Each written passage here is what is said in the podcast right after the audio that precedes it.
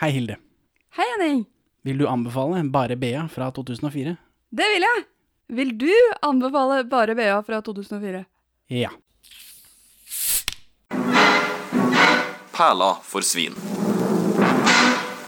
Velkommen til Perle for svin, podkasten for deg som ikke liker taglines. Vanligvis er vi to middelmådige menn i 30-åra som ser norske filmperler.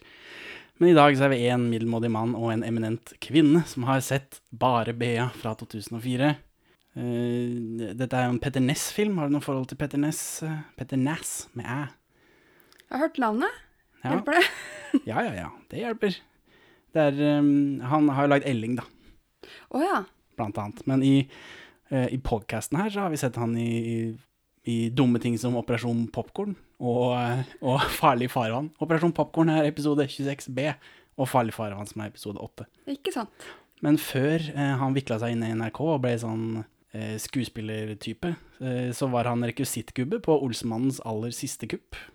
Og, eh, og, men Olsmannen var ikke død på 80-tallet. Hans eh, Petter Næss' gjennombrudd på skjermen var i 1991. Gjennombrudd i gåsetegn var i 1991-programmet Er det sant, er det fælt? Som jeg ikke skjønner noe av. Jeg har prøvd å spole gjennom det. ligger ute på NRK. Og, og det skjønner jeg ikke. Jeg skjønner ikke hva det er. Det er et slags talkshow hvor Anne Grosvold snakker seriøst med seriøse eh, gjester i en sofa. Og så eh, bryter Petter Nass inn eh, i noen ganger i rollen som programleder. Eh, og han har lange sånn teatermonologer. Eh, og han kom, ja, noen ganger så kommer han inn med andre karakterer, sånn type sånn Vaktmesteren og Fridtjof og sånt noe. Ikke de karakterene, men sånne type karakterer. eh, Som liksom som driver med sånn eh, parykk og løsbart-humor oppi dette, da. Og så, og, så er, og så er det publikum i salen, og de sitter rundt på bord, sånn som i Da Capo, og de er veldig gamle, alle sammen. Og de sitter og drikker, da. Og så ler de absolutt alt. Kanskje fordi de drikker? Det kan hende.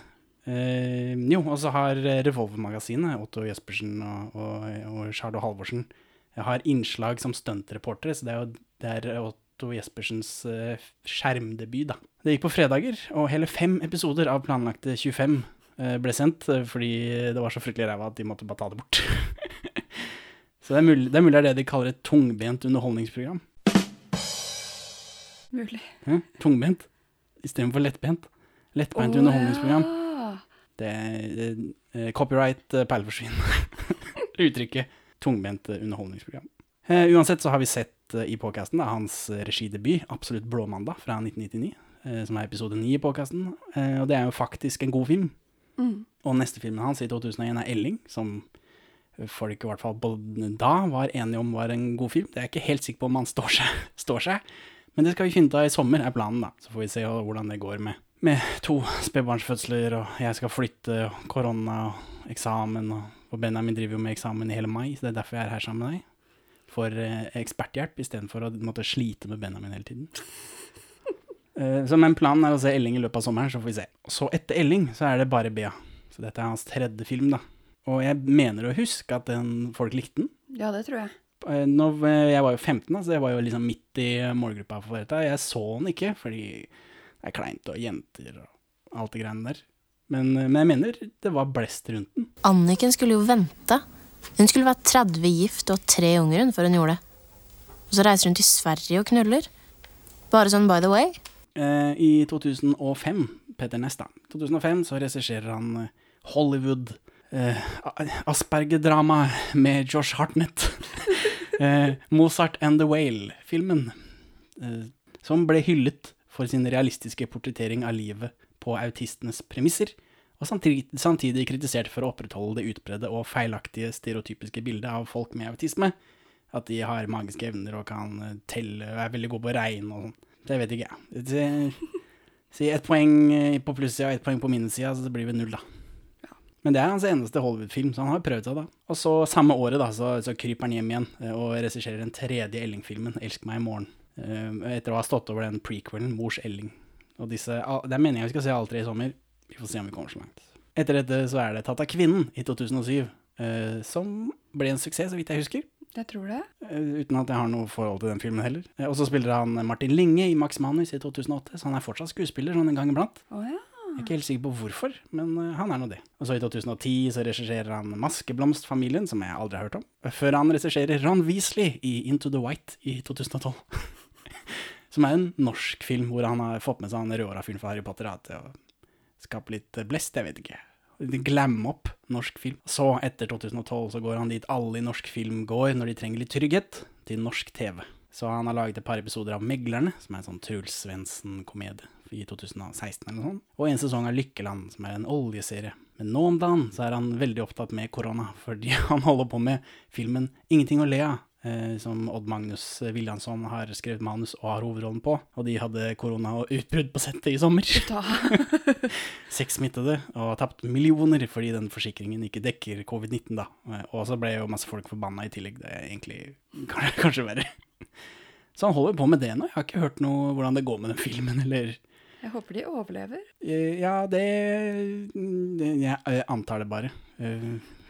Men for det, det, det hadde stått tre stykken døde på settet til Odd Magnus Williamson. Så, men det er vel det han driver med nå om dagen, da. Og ellers i castet her så er det ikke så veldig mange eh, interessante for, eller mange som er eh, verdt å nevne for en podcast om norsk film. Det er en del eh, folk som har gått videre til teater, da, men det er jo ikke norsk film. Og så er det noen som holder på litt bak kulissene på noen filmer, og så er det noen som er med på noen TV-serier og sånt noe. Men eh, han som spiller Daniel, Espen Klaumann, Klaumann, K-L-O-U-M-A-N, Høyner, eh, han har hatt en karriere i det minste. Han fortsetter å spille kjekkas i reprise og i snowboardfilmen Switch og i Upperdog. Og så spiller han Leif Tronstad i Kampen om tungtvannet i 2015. Da. Og så svever Jakob Oftebro rundt i bakgrunnen i filmen her, men han har vel knapt én replikk, tror jeg. Så, så eh, han kan vi snakke om en annen dag, men han er her. Hvorfor ikke? Så er det filmen, da. Bare Bea. Musikk av Surferosa. Har du noe forhold til Surferosa?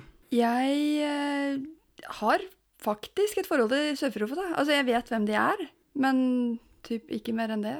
Nei, hun eh, har jo kledd seg veldig rart, da. Jeg tror det var liksom greia. Ja.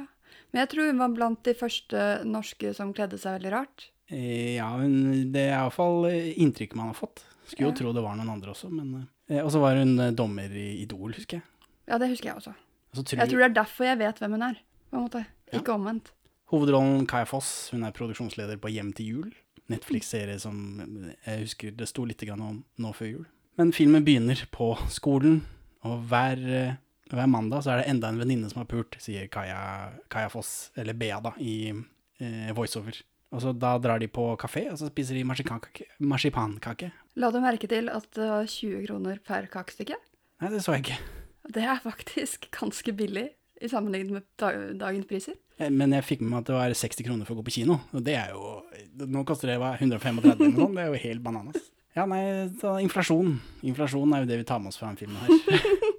Eh, og de sitter og spiser den der eh, kaka, og så her får vi en liten sånn When Harry Met Sally-referanse. Litt sånn tidlig på, hvor hun sånn halvveis faker en orgasme eh, på offentlig Det sted. stemmer, stemmer. Men tror ikke du på Gud hos henne? Jo, jo, jo, du skal høre deg. Oh my god. Oh my god. Oh my god. Så, men alle disse jentene, jentegjengene har pult, det er fire stykken eh, da, tror jeg. Er det ikke det? Jo. Og så tre, og så Bea. Ja, ja. Alle har pult, noen har pult jenter, noen har pult svensker, noen har pult dumme gutter. Vi får sånn forklaring på alle de har uh, feid over. Det er noen som puler mye, noen som puler li lite. Det er mye puling. Tidlig på. og her er det sånn montasje over dette pulegreiene. Altså, her kommer Jakob Oftebro inn med en replikk, eh, hvor han eh, ja, Han får ikke stå, da. Det er I en sånn kjapp montasje. Stemmer det. Og det tror jeg er det han har å si i den filmen her. Du er fin, men det skjer jo ikke noe der nede, liksom. Så um, jeg vet ikke, var det mye pulesnakk uh, Hva med knullesnakk enn pullesnakk? Ja, i filmen, ja, men jeg tenkte, var det sånn eh, når vi var 16-17? Eller, eller, jeg har med meg en kvinne. Var det sånn blant dere i jentegjengen? Uh, ja Ja, det Det er vel alltid det. Ja, for jeg var jo en sånn småfeit, eh, kviste type, så det var ikke så veldig mye poolsnakk. var, det, var liksom, det hjalp ikke å skryte på seg. Det var mer eh, Det var egentlig mer snakk om hvem som var forelska i hvem, og hvem som hadde forelsket seg i hvem sine kjærester, og slått opp med hvem, og slått opp på vegne av hvem, og sånn. Ja, Egentlig. det husker jeg vi gjorde på barneskolen, spurte på folk for andre folk. Mm, ja. mm. Hvem var som var forelska i hvem i Backstreet Boys og sånn? Var det snakk om det òg? Uh, ja. For Backstreet Boys er ikke nevnt med et ord i den filmen her. Nei, men var ikke Backstreet Boys litt tidligere? da? Jo, jeg tror det. Ja. Men det er denne marsipankaketradisjonen, da. Hver mandag, tydeligvis, når det er noen som har pult. Og nå var det eh, en av disse som hadde ligget med en svenske. Anniken hadde Ja. ligget med en svenske. Anniken. Da fikk jeg litt sånn inntrykk av at kanskje ikke det var på ekte, men det viser seg jo senere at det var det. Det var sanne ting du burde skrevet om i skoleavisa. Ja, men gjør det vi! Skal vi skrive om sex i skoleavisa? Bea skriver om det. Er ikke det litt privat, da? Privat? Ja, Hva vet Bea om sex, liksom? Bea skriver om sex i skoleavisa. Det må jo også tas frem at da er det på en måte bare Bea igjen, da. Ja, derav tittelen på Ja. ja, ja, det er sant. Det er bare henne igjen, og det, det faller henne tungt for brystet. Det må gjøres noe med, eh, og litt eh, kjapt. ja, virker sånn. Så ikke kakestykket skal råtne foran øynene hennes. Ja, ja, her blir det jo nevnt liksom at det er bare meg igjen, vi må forte oss litt. Men så senere så får vi jo en klokke på det. Da er det fest til lørdag, du må pule på fredag. Men eh, eh, Bea skriver om sex i skoleavisa, uh, og sexen til venninnene. Og så blir de forbanna, og så går det over. Sånn på tre sekunder. Men jeg tror det er i forbindelse med at uh, det er flere som syns at det er godt skrevet.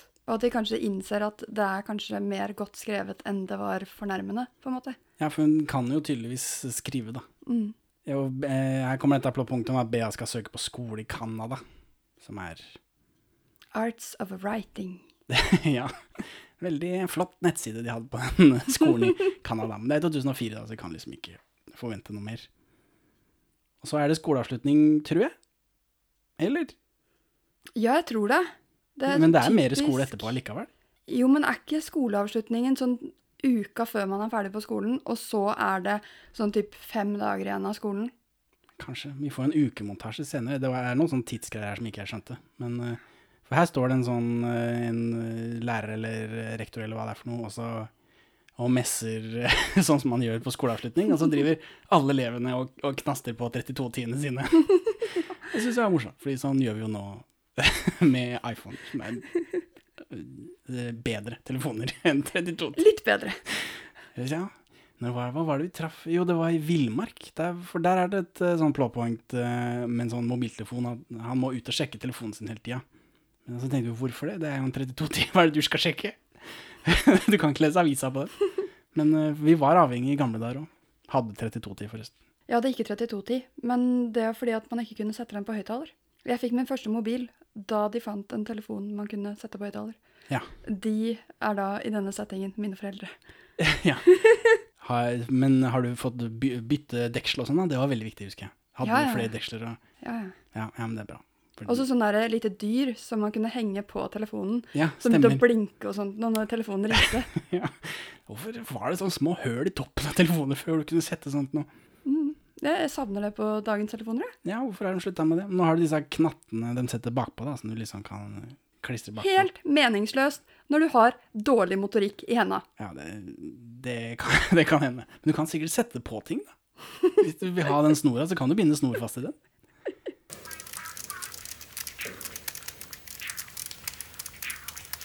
Og så, eh, når han er ferdig, han gubben, så kommer det en veldig hipp elevrådsformann. Og Bea blir forelska med en gang. Fort gjort. Og det er sånn perfekt sånn slow motion-filming og litt sånn romantisk musikk i bakgrunnen. Og det er Ja, Helt de, de tar en snarvei da, for å vise at Bea blir forelska. men det blir jo forstått, da. Og så, og så skal Bea gå ut, for hun skal søke om stipend. Så hun liksom reiser seg opp og, så, og går midt i dette greiene, mens han eh, innmari hippe elevrådsformannen står der. Og da blir hun liksom pekt ut. der. 'Hvor skal du hen?' Jeg vet ikke, var det, var det gøy? Var det spennende? Men det er jo for Der sier han jo navnet hennes. Hvor Ja. skal du opp, Øya? Eller sånt. Ja, eller han får vite navnet hennes, da vel. I Nei, forbindelse fordi med at hun spør seg seinere hvorfor visste han navnet mitt. Å ja, jeg forsto det sånn at fordi disse venninnene hennes sier at hun skal til tannlegen eller noe sånt. nå.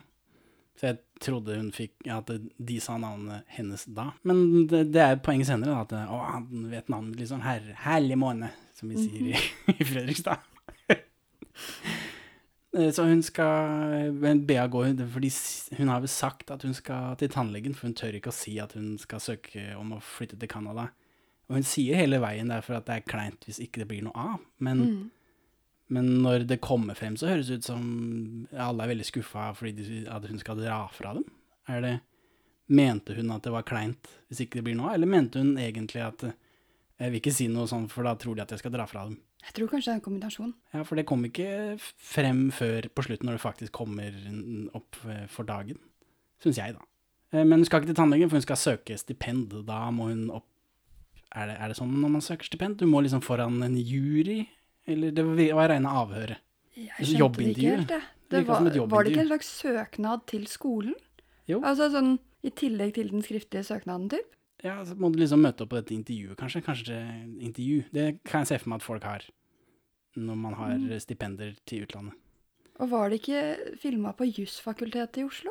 Ja, det vet jeg ikke noe om. jeg har ikke, jeg har Det greie syns på det. jeg litt på. Men det, Det er fullt mulig. Eh, Men hun søker stipend da, om en, eh, med en sånn novelle hun har skrevet om at hun ikke har pult, og det er tydeligvis bra. Og så er det noe sånn ordass ordassosiasjon på dette jobb- eller student stipendintervjuet, hvor de spør om masse ord, og hun svarer seks på alt. så det er eh, Hun, hun har, tenker på noe, da. Tenker på noe. Please tell us the first thing that pops up in your head when we say some words. Here's the first one love, Sex? school. Se Sorry. Altså, unnskyld, altså, jeg, jeg, holdt- jeg holdt på å si sex igjen. Men det er ikke fordi at jeg liksom syns at skolen har noe med det å gjøre. Det er bare fordi at jeg sa det i stad, ikke sant? og da, da ble på en måte hele hodet innstilt på akkurat det. Og så når hun skal tilbake igjen, så eh, treffer hun liksom han elevrådslederen i døra. Daniel heter han da. Og, og, og han liksom prøver å sjekke opp eller noe sånt nå, så så hun bare står og glanner. Kleint møte med elevrådsleder har jeg skrevet her. Jeg har skrevet hot-møte. Du skrev det hot? Yes. Eh, Ok. Men jeg ser det med 14-årige jenteøyne, da. Og det kan fort være hot hvis en 14 år gammel jente oppfører seg kleint. Ja, hun er 16 år og 9 måneder. Ja, 16 år, da. Desto verre. Ja, ja, ja. Ja, ja. Jeg, jeg opplevde scenen som at det skulle være kleint, ja, da. Men, eh, men det går jo greit, for han, han er veldig, virker veldig han, ja, Jeg har beskrevet han som kul, men han er Han er ikke bare kul, men han er hyggelig også. Mm. Som det jeg følte var litt sånn uvant for denne type filmer. Hvorfor skal han kule, populære fyren også være hyggelig? Ja, det synes jeg, var, jeg synes det var et pluss. Ja, ja, altså det gjør jo ikke noe. Men det blir litt vanskeligere å få den der eh, turnen senere, da. Når, for han er jo åpenbart ikke den som Det er jo aldri han kule, kjekke fyren som er den hun skal ha, det er alltid han andre kleine fyren. Men han er hyggelig i tillegg, og det syns jeg, ja ja. eh, Det er bra, det. Og så tenkte jeg, hvordan skal dere liksom etablere at han er slasket etterpå? Men det kommer vi sikkert til. For nå står hele denne jentegjengen og ser på basket, og de snakker om rumper. Og så tenker jeg når jeg ser på disse Hvor er alle tjukkasene på den skolen her? Det fantes ikke tjukkaser i Bærum på den tiden. Nei, er det i Bærum dette? Jeg vet ikke, jeg fikk ikke helt med meg hvor det var hen, kanskje. Jeg er ganske sikker på det. Helt sikkert. Jeg mener at vi så det på rulleteksten. Ja, ja, det er mulig. Sjekk den rumpa. Akkurat som en bolle. Dritperfekt. Ja, som en bolle. Du vet, man vil bare mm, liksom. Altså, Daniel inviterer på fest, og så gjennom hele opp til nå, det er en del sånn Dutch angles, at kameraet står litt sånn på skeive.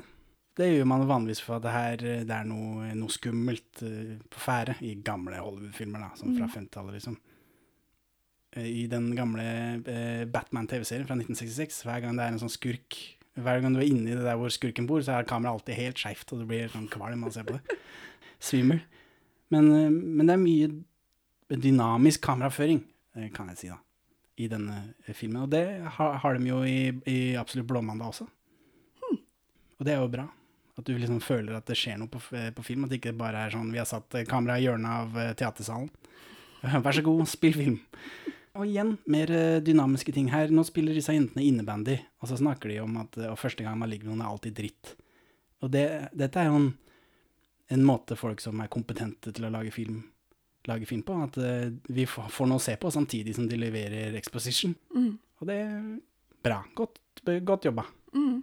Så du slipper liksom at to folk står stille i et rom og prater til hverandre. Din første var jo helt mislykka. Ja, det hadde sikkert vært bedre hvis jeg hadde vært litt mer forelska. Men... Men Alex er jo en dust, ikke sant? Alle er jo ikke det. Jeg sier bare at hvis man At hvis man er forelska, så blir alt kjempefint? Ja, Mia! Nei! Hun har noe på gang med Daniel Wiik. Vil du spolere det? Nei, men- Tusen takk. Første gang er alltid dritt, ja. Er det det? Jeg uh... Min var jo Jeg kan snakke om min, da. Min var jo klein, men det var helt greit, liksom. Jeg, tror ikke det er så dritt nødvendigvis for eh, gutter som det etter sigende skal være for jenter, men Det er det, da. Det er kanskje mer eh, mer skrekk blandet når, for, for jenter. Dere skal jo utsettes for noe, stakkars. Ja, og så har jeg jo også lest et eller annet sted at jo mer, jo mer eh, klar man er for det man skal gjennomføre, jo mindre blod og jo mindre eh, vondt er det. Ja, det kan jeg. Jeg husker, jeg husker Topp. Det ungdomsbladet Topp. Ja, ja, ja. Der var det sånn sex- og samlivsspalte, var det ikke det? Mikkel og et eller annet. Husker du det? Jeg leste det ikke, jeg hadde bare sånn topp skoledagbok. Ah, ja. ja, nei, jeg fikk jo klora til med den ene som var sånn første gangen spesial, da, for dette var jo viktig, selvfølgelig. Jeg tror jeg måtte ha gått på sjuende, i sjuende klasse eller noe sånt. Jeg husker ikke hvor gammel man er da. elleve-tolv 11-12 eller noe sånt. Noe sånt noe. Og der eh, var det liksom en beskrivelse av hvordan dette foregår. Og så har han Og så står det vel også at liksom når gutten er klar, så får han reisning, og han begynner å klikke med tunga. Og så står det under, så står det under at jeg tror det bare gjelder deg, Mikkel, fordi det er sånn det foregår som en sånn dialog, da. Og dette var Jeg skjønner jo nå, i voksen alder, at dette var forskjell på humor. Men du kan ikke, eller forsøk på humor, men du kan ikke være morsom når du skal faktisk skal forklare en eh, tolvåring hva som skjer, liksom. Når man skal være, gjøre noe ordentlig, så kan du ikke være morsom, da, fordi jeg vet jo ikke bedre. det er jo ingen i målgruppa som vet bedre. Så det, og det sitter jo i meg ennå, da. Nå 20 år etterpå. Så du klikker iherdig med tunga. Nei, jeg skjønner fortsatt ikke hva det betyr, hvorfor jeg skulle begynne med det. Styr unna mens du klikker med tunga. Ja. Første gang skal gjøres og glemmes. Fordi eh, Daniel har invitert Bea på fest. Og det var på lørdag eller noe sånt nå. Og da er disse venninnene, spesielt én, da, Mia, er veldig på at uh, Bea må pule noen andre først, fordi den første gangen er så ræva uansett. Mm. Men, ja, altså, første gangen for all Eller første første gangen er jo sikkert ubehagelig, men første gangen med en annen person er jo også uh, Blir også gjerne rart. Som Og ja, så, 16-17-åring. sånn sett, ja, første, det er jo en første gang med alle, typ, ja. Ja, men det, det har ikke den filmen her tid til å ta stilling til. Uh, Så da er det på en måte Jeg vet ikke, jeg føler blir hun pressa til at hun må liksom finne noen andre å ligge med før lørdag. Ja, det opplever jeg det som. Ja, ikke bra, er skrevet her. Det er et veldig høyt eh, press om å finne noen som man kan eh, bare eh, gjøres og glemmes. Du må liksom kjappe deg, få det ut av verden. Den første gangen, så slipper du det. Styret. Med Daniel som er drømmemannen som du skal være sammen med resten av livet, tydeligvis. Ja. Da, men Mia har, har løsningen også. Hun har funnet en random fyr som Bea bare kan ligge med. Det var også litt uh, spesielt. Ja, ja, ja, ja. Det vet jeg ikke. Det er eh, For da sitter de alle sammen på en benk, altså, for nå sitter de og venter på fordi han pleier å gå forbi der, eller noe sånt. Ja, en som søsteren kjenner litt. ja, han Ja. går ikke på samme skole, og han er jo tydeligvis et par-tre år eldre, da. Hun er 16, og han er 19. Mm. Så han er liksom ikke en del av kretsen. Du kan ligge med han, så trenger vi aldri å se han igjen, er, er vel tanken. Og moped og kjeledress. Ja, for han driver med noe sånn gartneropplegg. Skal bli bonde. ja, ja. Så han er jo utrolig klein i tillegg, da. Eller, ja, han virker liksom sånn rar. For, så de sitter på den benken og venter, og så kommer han med den rare mopeden sin med For det er sånn moped med, eh, med sånn eh, platå foran, så han kan ha alle gartnertingene sine. Så har han sånn eh, sånn felleskjøpedress på seg, og så, og så tar disse venninnene og så omringer de han, og er kleine 16-åringer. Jeg syns Jeg blir redd, jeg, på vegne av han. Når de liksom presser seg på, du syns ikke hun Bea er fin, da? Bare, jo, jo, jo, det er så bra, så bare liksom la meg være i fred. Jeg prøver å grave noen trær her.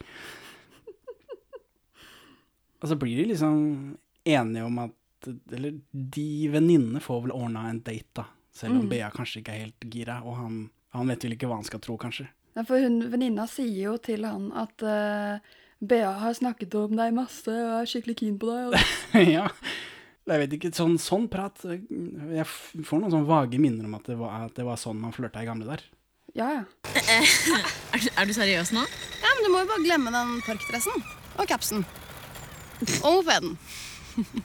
Med lasteplan! Og så er det denne fredagen da skal mor og far skal bort. Og Bea har en venninne. Har en venninne. Bea har en uh, søster også, Mm.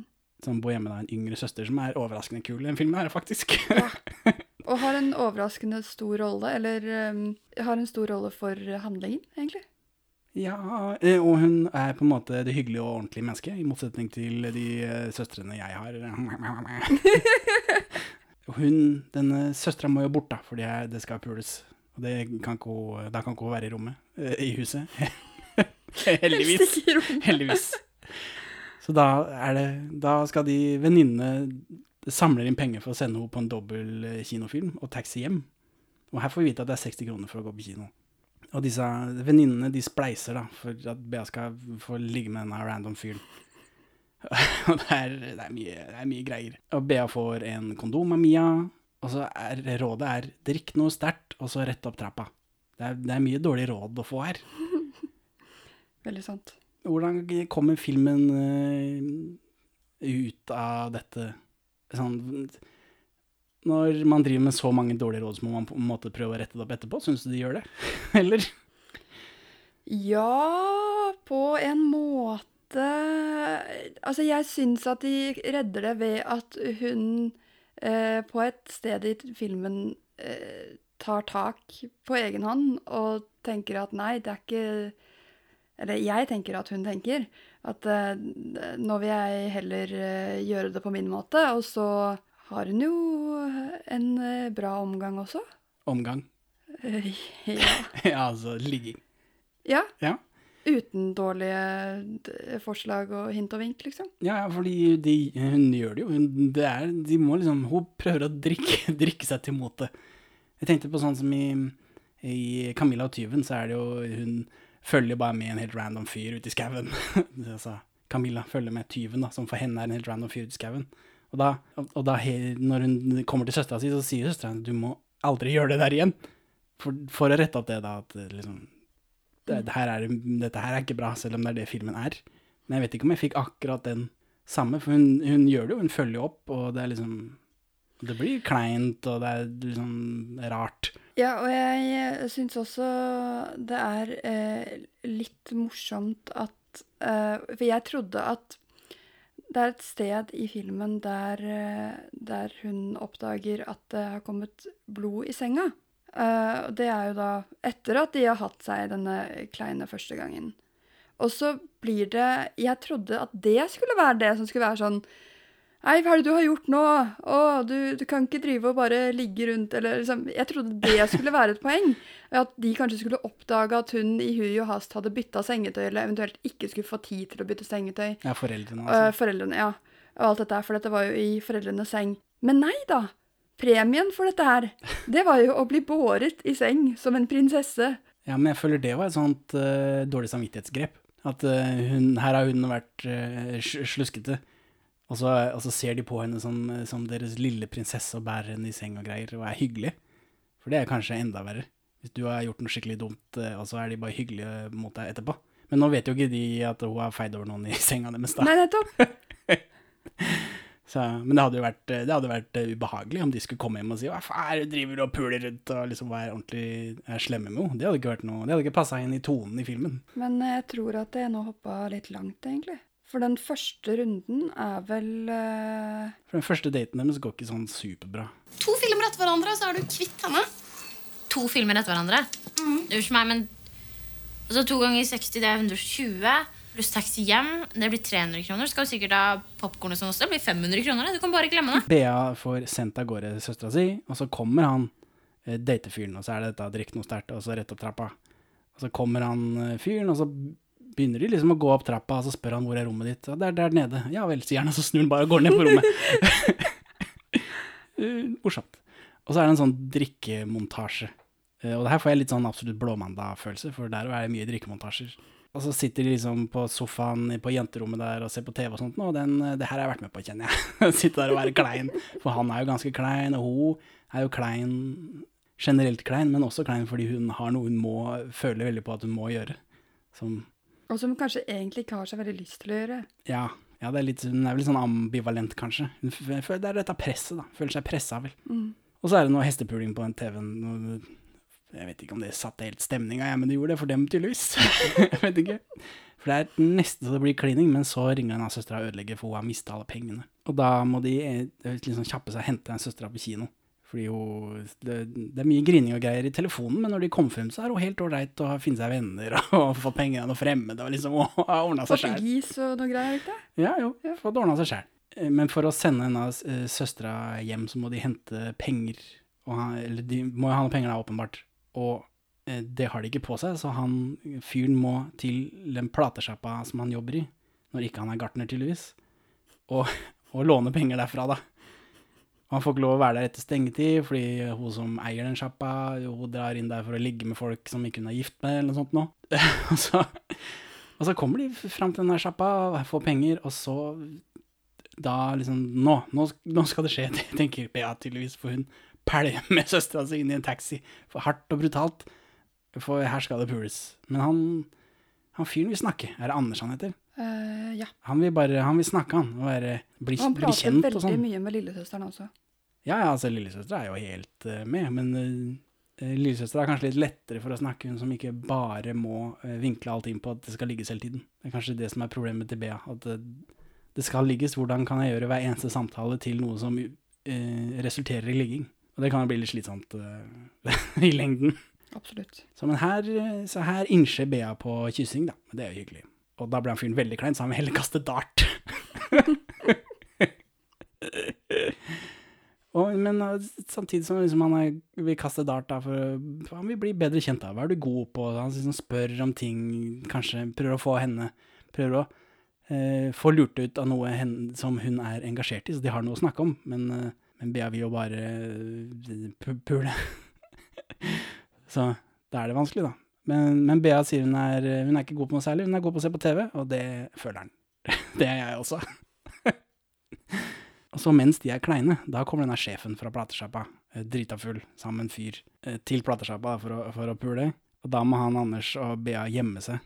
Og de gjemmer seg liksom rett ved siden av.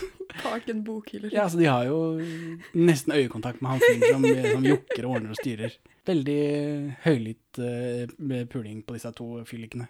Som vi må lide oss gjennom, da. At de driver med det, og de ser på. Og så tenker jeg, blir de tatt? Hva er det som skjer? Uh, skjer ingenting. Disse fyllikene sovner, og så og han fyren stikker, da. Da har de noe å snakke om.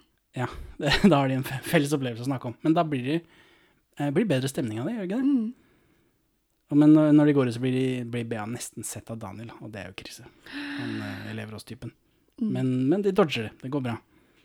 Og nå, når de kommer hjem, nå skal det pules. Nå skal det skje, og det, men at de gjør det i senga til foreldrene, det skjønte jeg ikke helt hvorfor. Kanskje fordi den er større? Kanskje fordi at da føler man seg som voksne? Jeg vet ikke, jeg syns det var rart, og de sier ikke hvorfor heller. Det bare Jeg hadde aldri funnet på å gjøre det. Nei. Jeg, men jeg tenkte kanskje det var gjesterom eller sånt noe, jeg. Men nei, det var det, var det ikke. Så jeg, «Øh, ja, ja. Nå, men nå skal Pulis Bea ligge med undertøyet på. eh, De skrur av lyset. Han, han fyren er hyggelig og vil ta det rolig, da. Fordi han vet jo ikke at det haster. Men han er veldig rask med å ta av seg bokseren. Ja, La du merke til det? Ja, han blir jo litt sånn må jo, Når anledningen byr seg, så må du kan ikke drøye. Eh, men BA er klein. Han fyren er hyggelig. BA er klein. Tilbyr kondom. eh, og så tar han den tydeligvis på under dyna der. Det er litt sånn knoting. Knoting, veldig knoting. Jeg har notert det, til og med. Ja, det, men sånn er det jo ofte. Han fyren han har, han har pult én gang før, sier han. Det er jo sånn man sier når ikke man har pult. men, eh, så, men det blir ikke påpekt om det stemmer eller ikke, så det kan hende det stemmer. Eh, Bea sier hun ikke har gjort det før. Han sier han bare har gjort det én gang, ja. Bea blir veldig sjokkert, for han er jo 19 år, han må jo pule hver dag hele tiden. Yes. Og så blir det sånn Ja, vi driter i det. Så, og det her kjenner jeg har vært med på i, i, i ungdommen.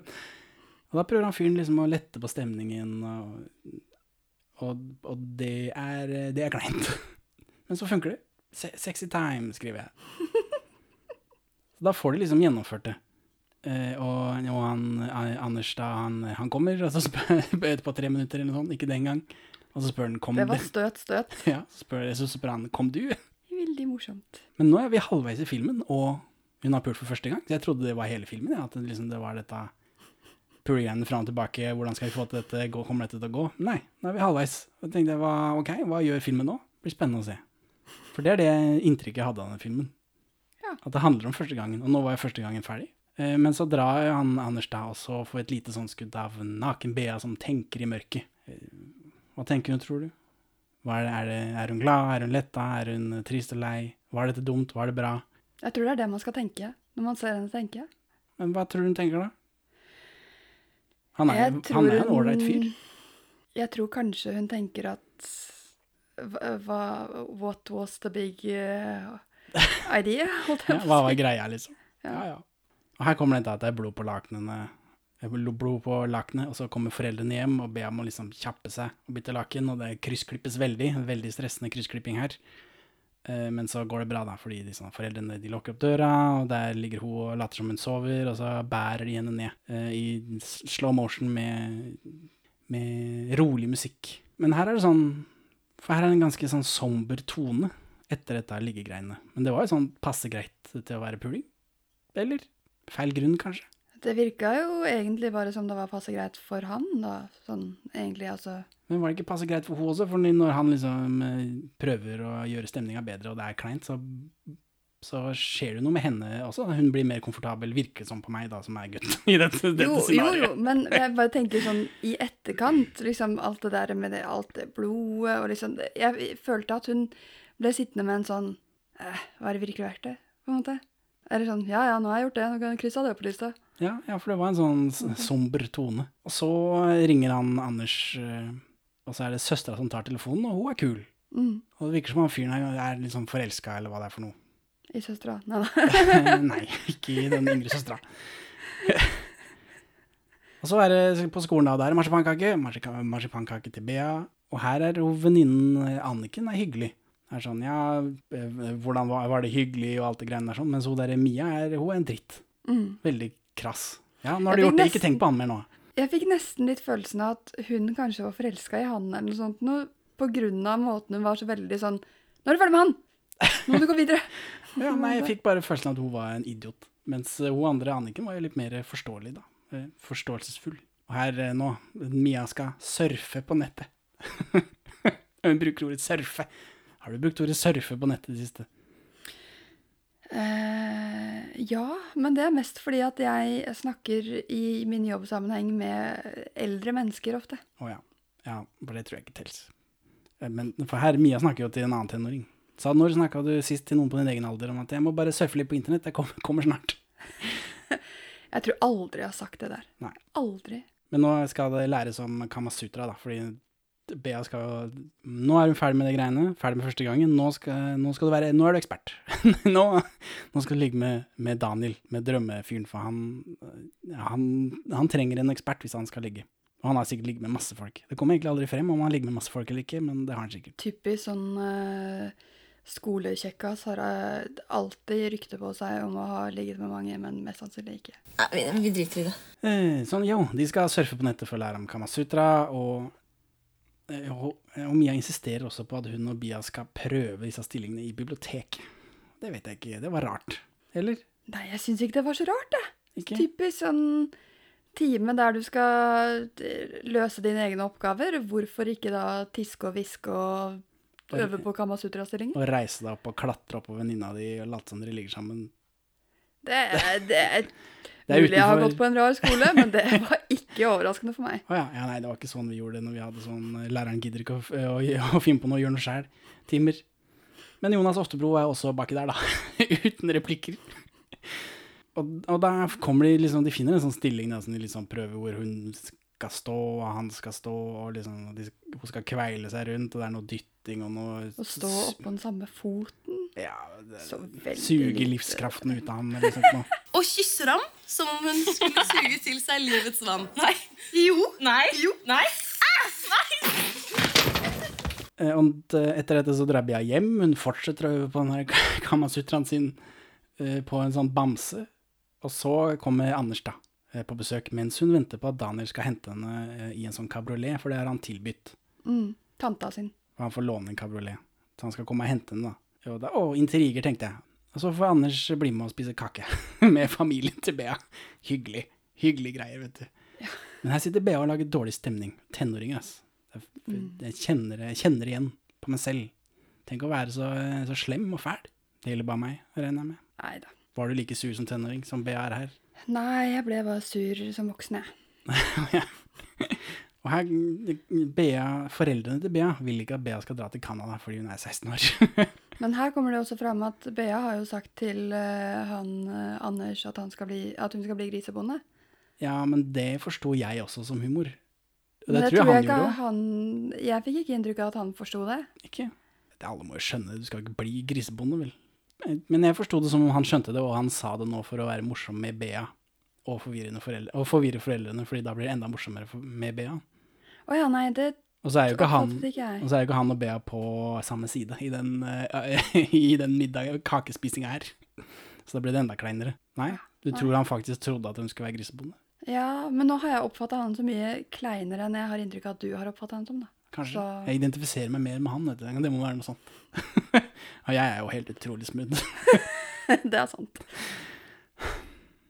Og, da, og mens de spiser dette kakegreiene, og så er de ferdig med det, og så sitter de liksom på huska, og så driver Anders og bonder litt eh, med, med Bea, eller han prøver da, og så er hun sur tenåring. Og da kommer han Daniel i fet kabriolet, og så, og så stikker Bea bare. Hun går bare uten å si noe. Jeg syns det var dritbra.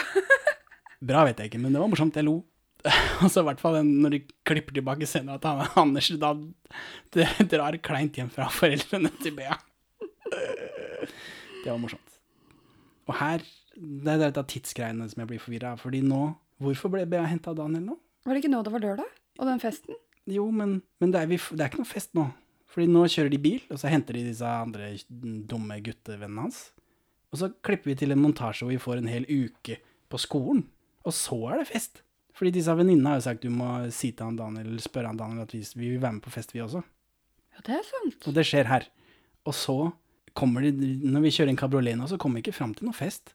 Men vi klipper til mandag, står mandag på skjermen, og så er disse, den guttegjengen og den jentegjengen er litt sånn, man er, går på samme skole, man er liksom treffer hverandre litt, og Det er litt Grease-stemning, fikk Ja. jeg følelsen av. ja, ja.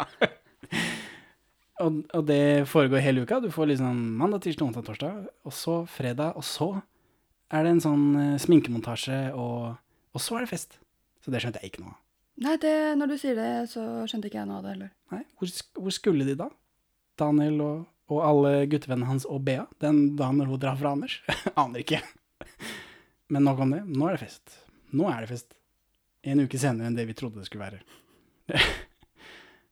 Eh, og som disse jentene ser ut her. Med sånn svære sånn sølv-øyenskygger og sånt noe. Sånn som man så ut. Det, det får flashback. eh, Litt ubehagelig flashback. sånn ennå, ja, jeg ser jo det der du sitter. jeg tenkte jeg skulle ikke si noe. Det er heldigvis ikke et eh, visuelt medium-podcast. Nei, da hadde du vel ikke valgt å ha med meg. Heio. Ja, spørs det, da. Det er, må liksom glemme opp litt her òg. Benjamin er ikke så veldig glem. Men sånn som de jentene ser ut nå, det følte jeg eh, på denne festen. Det kjente jeg igjen fra ungdommen. Huff a meg. Veldig gøy. Men det er, ikke, det er ikke det verste jeg har sett. da. Det er, eh, når vi er liksom på 80-tallet og sånt nå, da er det mye eh, det, er, det er litt verre. Da har de jobba litt hardere. Veldig sant. Og så, vet du, nå er det Bea og Daniel kliner, nå blir det liksom noe greier. Og på denne festen her så tror jeg, syns jeg så en tjukk tjukkas i bakgrunnen der, sånn, så det er mulig det fins tjukkaser i det universet her. Det er sant. Det var det. Og så driver Bea og Daniel og kliner, og nå skal det pules igjen. Mm. Og det er Det går sånn passe. Det er litt sånn romantisk musikk. De driver og kliner og ordner og styrer, og så kler de av hverandre. Og så legger Bea kjolen sin på gulvet. Og så blir den romantiske musikken avbrutt av at Daniel tar kjolen og legger den fint på en stol.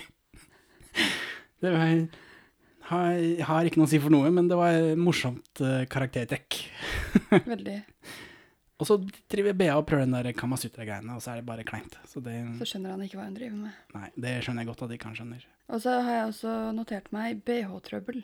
Ja. For verken Bea eller eh, Bea eller Daniel fikk til å ta BH-en. Ja, det er også notert. Amatører. Det kan jeg gjøre med én hånd. Men, det, det er sånn er, men at Bea ikke får det til, det syns jeg er rart. Hun har jo tatt av BH-er hele livet. Men øh, de dveler ikke på det. Og dette er for det er tydeligvis dårligere knulling enn den forrige.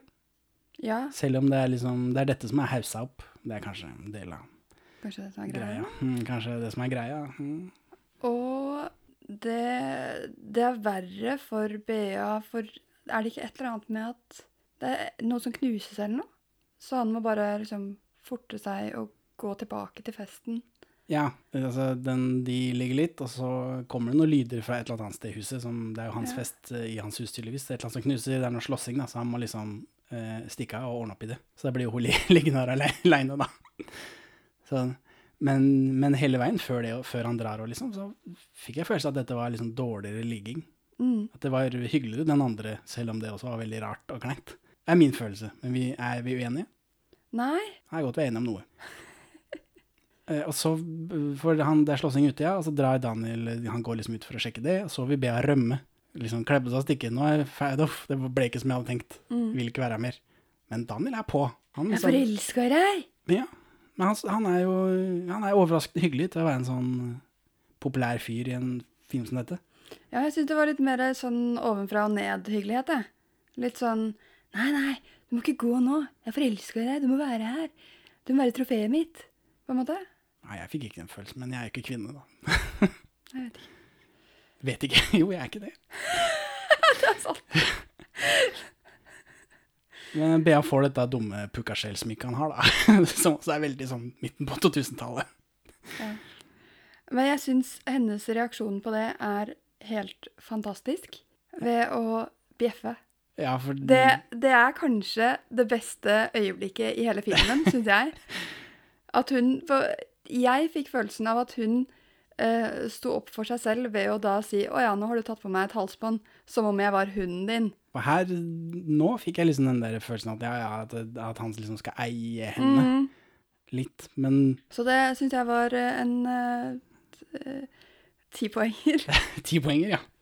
Jøsse navn. Ja, ja, det, jeg skriver ned. Og så er det også Jeg har også notert 'påtatt kyss'. For det er da liksom en forventning av at hun skal kysse han fordi at 'å, hun ble så glad', liksom. Ja, for for han er jo sjefen i gjengen, Ja. den fyren her. Men det er så påtatt som en 16 år gammel jente kan få det til. Ja. Veldig bra gjennomført. Men så etter denne festen, da er det kebabtralletid.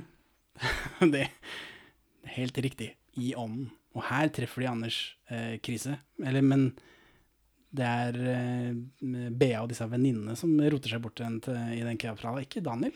Nei. For han, han er jo hjemme. Det var jo hjemmefest. Han, var, han er jo hjemme nå, antar jeg. Mm. Og så går disse jentene, og så kommer han Anders-fyren, og så, og så regner jeg med at nå, nå er det krise, liksom. Fordi dette her, eh, dette blir kleint og fælt, men, men de spaserer sammen. De tar tar seg en spasertur. Snakker sammen som, som ordentlige folk. Det var jo, dette var jo mye lettere enn forrige gang de traff hverandre. Så sitter de sånn romantisk på en benk, og så detter han ned, og så detter hun opp, og så ligger de romantisk under benken, og så det er liksom, det, det er god stemning, da. Mm. Plutselig, ut av det blå. Jeg syns det er sånn fint uh, Fint. Men det kom litt ut av det blå, for det var jo så rart sist. Men det var dette presset, da. Forventningene og presset. Nå er det ferdig, nå er det Ja, liksom for borte. det er jo ikke noe press med han, fordi at eh, hun skal jo ikke tilbake til han. Nei. På en måte, Så da kan hun like gjerne kysse han. Jeg vet ikke. Jeg vet ikke, eh, Kyssa de òg? Det har jeg, har jeg glemt. Men de ruller Ja. jo litt sånn oppå hverandre, så det er fullt mulig de gjør det. De, de sitter jo på den der kosebenken, Ja, og da kysser de når de har falt. ja, for nå er jo hun, eller nå har hun kanskje mulighet til å høre på hva han sier, og kanskje snakke litt tilbake, når det ikke bare er snakk om puling, eller i hennes hode bare går om puling. Kanskje. Hun er jo ekspert nå, hun har jo ligget med masse folk. Hei, nå skal vi ut og surfe. Nei, jeg driver med noe her. Jo, men vi saver det bare. Nei, men jeg driver med noe her. Vi saver det bare. Og så er det en innebandyscene igjen, og her er Mia en ræva venninne som ikke liker at Bea har hengt med Anders, fordi han Daniel og alle kule folka da skal på yacht, og da, da skal de være med. Og nå er jo BA sammen med Anders. Hallo. Det hun sammen med. Daniel. Nei, jeg mener Daniel. Bea sammen Det, med Daniel. det må hun jo skjønne. Ja. Hun kan ikke drive og ligge rundt, da. ja, det er jo eh, riktig på en måte, men så var det dette eierskapsforholdet da, mellom, mellom BA og Daniel. Men så er, så er alle på denne kafeen, marsipankakekafeen, men det er ikke noe marsipankake denne gangen, tror jeg, for nå er Daniel og disse gutta er der, og nå er den jentegjengen og den guttegjengen er sånn passe integrert. Det virker som eh, en sånn gjeng har jeg vært borti, hvor alle lå med hverandre hele tiden. Eh, Da var vi en 15-16-17 vel. Satt på sånn kafé som selvfølgelig gikk konkurs, for det var ingen som hadde noen penger. så Eh, Men sånn sitter de nå, da. Og da er det liksom Og Bea og Daniel eh, sitter sammen, for de er jo kjærester tydeligvis, og så kommer han Anders inn. Kleint. Og setter seg på en stol Helt uten invitasjon. helt ved siden av. Det er veldig flott. Ja, ja, men er det For han er klein på ordentlig, er det sånn der? Ja, jeg tror han hadde håpa kanskje å bli litt bedre tatt imot. For jeg tror kanskje at eh, i hans øyne så holder de også på hverandre, uten at han dermed vet noe om Daniel. Ja, men han burde jo på en måte plukka opp at det var ingen som sa 'sett deg ned'. Eller liksom Her sitter en gjeng med folk Jo, men hvis du hadde møtt på kona di på en kafé Ja, men da de og kona mi du- er jo gift, vi har ikke bare ligget med hverandre engang. Men da hadde du tatt det som naturlig å bare kunne gå inn og sette deg ved siden av henne uten at hun hadde sagt Hei, hei, kom og sett deg. Nei, jeg tror ikke Med den reaksjonen Bea har, den åpenbart kleine reaksjonen, så tror ikke jeg For, for han så er hun en som lå med han én gang. Og var klein den gangen, selvfølgelig. Og så en hyggelig kveld senere, men det er jo ikke Jeg føler ikke at det er nok til at du liksom kan overse alle Overse ansiktsuttrykket og kroppsspråket hennes. Ja, Men gjelder det hvis du er bonde i tillegg? Nei, nei, det var det, da. Det er som sagt, det kan hende bare han som er klein, og det er det jo tydeligvis derfor. Han slenger seg bare ned helt uten invitasjon, og så går Daniel inn for å spille flipperspill, og så jager Bea Anders. Men det er mest for at Mia skal bli glad, eller noe. Kan ikke du bare gå? Og så sitter Mia og smiler veldig ondskapsfullt. Har du lyst til å finne på noe etterpå, kanskje? Nei, jeg kan ikke.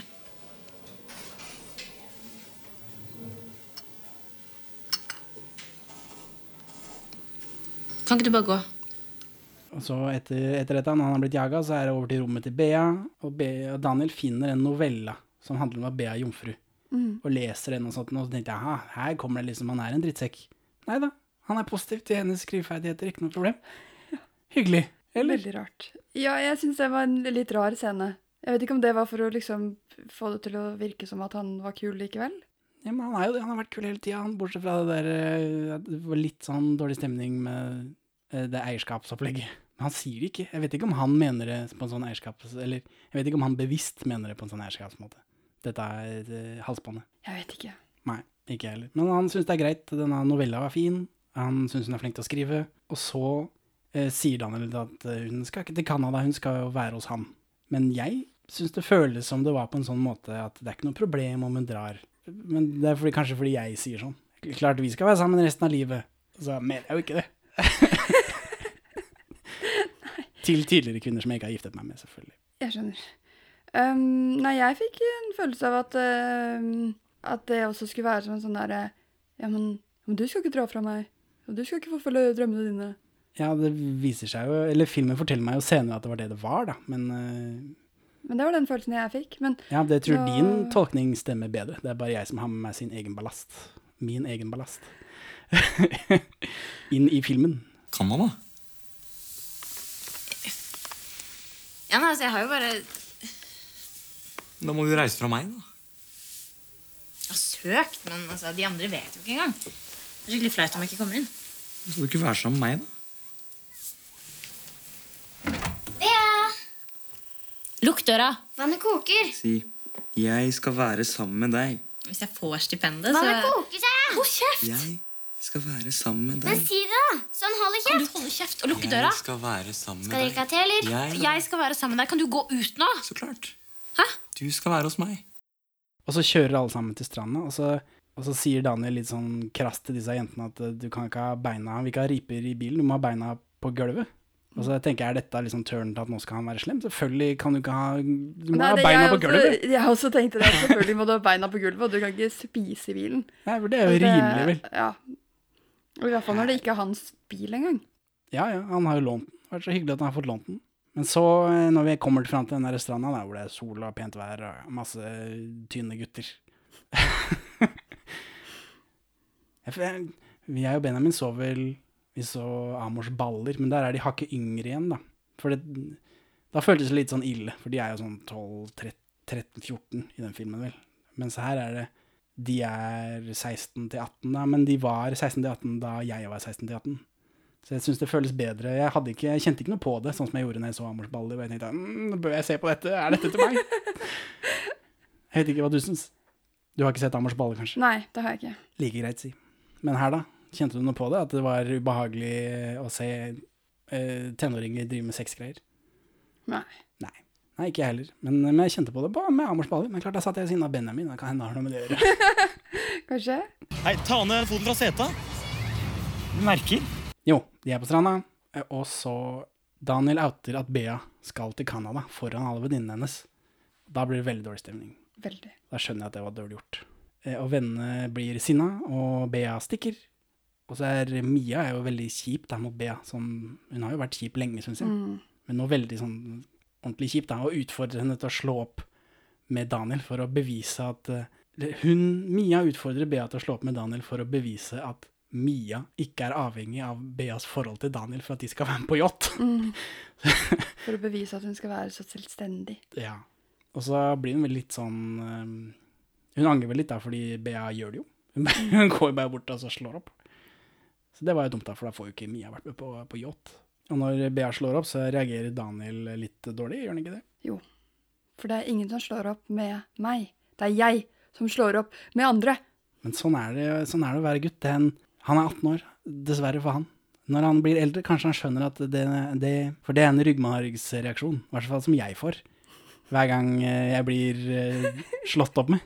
Bare, å, du slår opp med meg, ja. Hvem tror du du er? Men så lærer man med alderen at du må bare kvele det og si OK.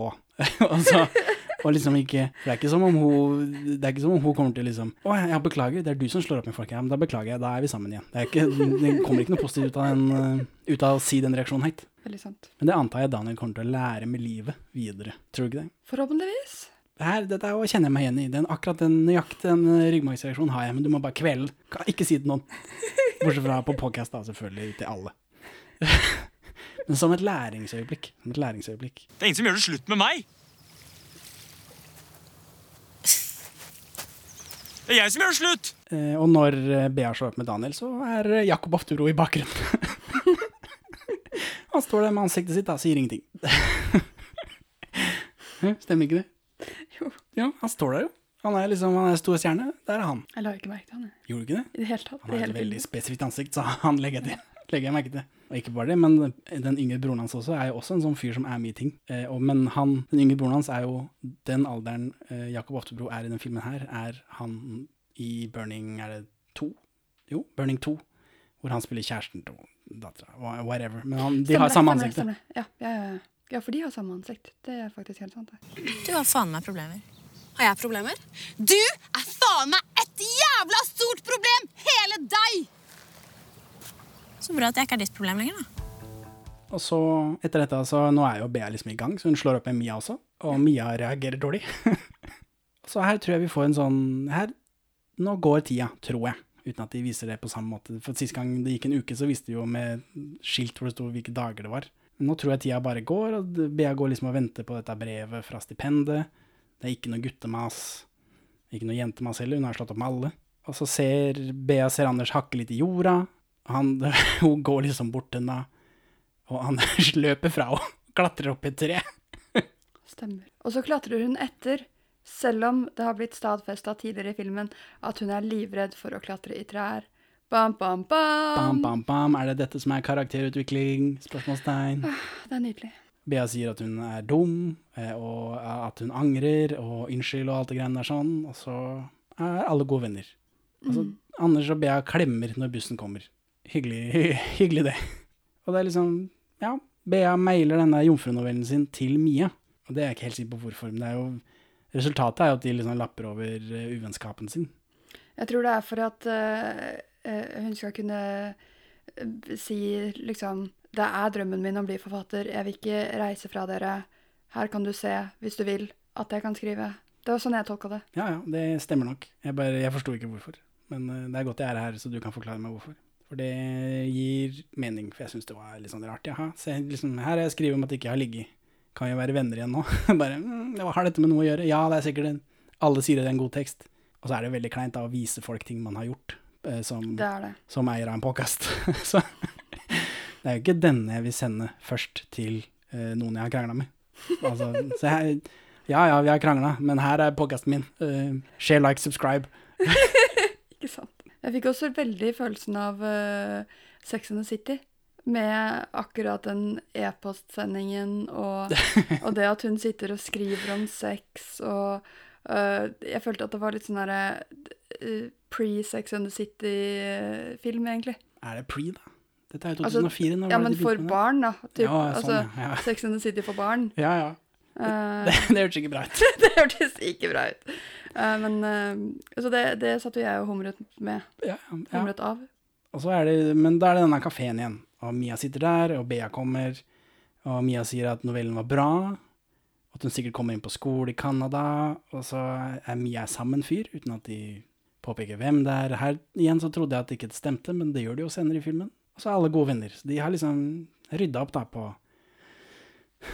de fem minuttene siden sist, eh, siden de var uvenner. Så det er jo hyggelig det, da. Det vet ikke Det er kanskje Det er bare Det er sånn det er det å være 16. da. Ja. Da er det fem minutter, og så er man kanskje venner igjen. Ja, når jeg sier det høyt, så tror jeg det stemmer. og så er det hjemme hos Bea, og hun har fått et brev fra skolen. Og så da her får vi en sånn flash eh, forward om hva om hun ikke kommer inn på Canada, eh, kommer inn på skole i Canada. Da blir hun grisebonde. Jeg har skrevet svarkollasj fra helvete. Ja, ja. Det, ja, det er jo veldig dramatisk og dynamisk, eh, dette. For å vise oss da at eh, hennes skjebne, om ikke hun kommer eh, inn på skole i Canada, da blir hun grisebonde. Men heldigvis for filmen så ble det Canada. Hurra, hurra. Og så er det taxi til Gardermoen med en gang. Og hun Anniken har med seg en har med seg denne kjæresten fra Sverige, som er en jente, hyggelig, men med tre kroner på T-skjorta, så vi skal være helt sikre på at vi forstår at dette er den kjæresten fra Sverige. Morsomt. Eller Jeg tror ikke det var meninga som morsomt. Eller jeg tror ikke det var meningen det skulle være morsomt. Jeg tror bare dette er måten vi kan fortelle folk som ser på at dette er en svensk Jeg skjønte det jo, men det var så overtydelig tydelig og rart. Det var kleint. eh, kleint utført. Ikke Scenen var ikke klein, men det var liksom Hvordan kan vi slå folk i huet med at dette er den svenske kjæresten? Jeg la ikke merke til det. Da er det bare jeg som er rar. Er det slutt med Daniel? Han var ikke noe å samle på. Men Anders var bra. Kom deg ut, da, hvis du har lyst til å leve. Og så er denne venninna som ikke vi har snakka om, Sara, er sammen med Jakob Oftebro, som fortsatt ikke har noen replikker. og kommer ut av taxien der, da, for de skal si ha det til, til Bea. Og så har Mia har med seg en fyr som vi ikke har hørt eller sett noe til før. Eh, Så hun har jo kjæreste, da. Og alle disse her er for å si ha det bra til, eh, til Bea, som skal til Canada. Og så, når de liksom kommer inn på Gardermoen der i, i den avgangshallen, så kommer han Anders opp trappa, rulletrappa, for å si ha det. Hyggelig, vet du. Og da Veldig, veldig bra. ja, veldig romantisk eh, med puling på flydass, flyplassdass. Det er ikke bra. Nå skal Anders og Bedi bare løper av gårde til en sånn flyplassdass, så Jeg de syns det, det var helt eh, 100% innafor. Veldig gøy også med hun venninna som står utafor og på en måte passer på døra og eh, sier ja, nei, de spiste den der wienerschnitzelen, og jeg er ikke å anbefale den, altså. Mens det kommer mye godlyder fra doen. Ja, ja, ja. Ja, og Mia må stå på utsida, da, og så kommer det en gammel dame som må liksom forklare hva er disse gryntelydene. Uff a meg. Nei, Men Bea kommer, da, denne gangen, virker det som. Og så er det en veldig fin sånn krysscene med at hun kommer samtidig som flyet tar av. Ja, det er venninnen min, bare.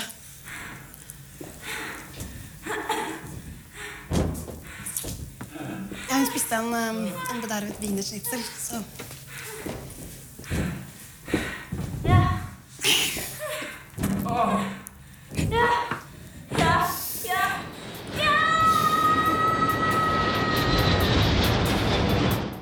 For eh, film er et visuelt medium, vet du. ja, veldig, veldig morsomt, syns jeg. ja, ja, men det er bra. Det er bare sånn Hvem er det som har sex på toaletter, eh, tenker jeg. Det er jo veldig møkkete. Men det er vel kanskje ligging også. Nå i disse koronatider så vil jeg ikke klint meg inn mer enn nødvendig rundt omkring på eh, toaletter. Offentlige toaletter. Er Men det er meg, da. ikke- Det er kanskje ikke de stedene som innbyr til klining, jeg vet ikke. Bare jeg blir vaksinert nå, så skal jeg bare dra ansiktet mitt langs gulvet på toalettet. Ja, men æsj. Da får du alt mulig annet som du ikke er vaksinert mot. Jeg lover deg. Ja, ja, godt tips. Så aller siste scene, da er Bea på flyet, og hun ser rett i kamera og sier at hun har det dritbra. Filmslutt. Musikk av Sør-Frosa. Så, Hilde, hvorfor vil du anbefale Bare Bea fra 2004?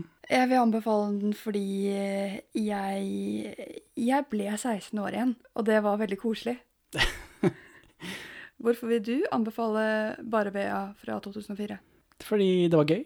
Og Jeg ler flere ganger, og det er kleint der det skal være kleint. Det er godt uh, gjennomført. Uh, altså er ikke jeg i målgruppen lenger, men jeg var jo det da de lagde filmen, så jeg føler på en måte den er, at jeg er i målgruppen allikevel. For det er jo min ungdomstid, dette. Mm. Eh, altså, skuespillet var ikke alltid så bra, men ofte godkjent. Så, Helt en helt uh, godkjent film. Ha det bra, Hilde. Ha det bra, Henning.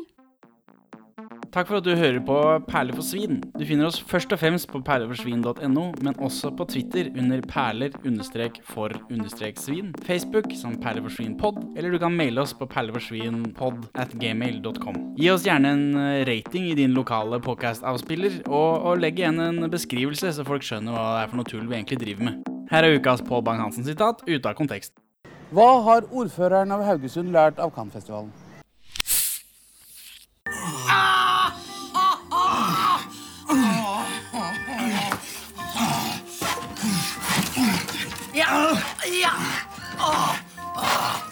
Skjønner du, eller? Hæ? Ja. Den, da.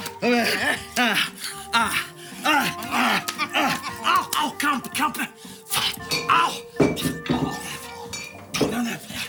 Kom deg ned Au. Au. Åh, åh, åh.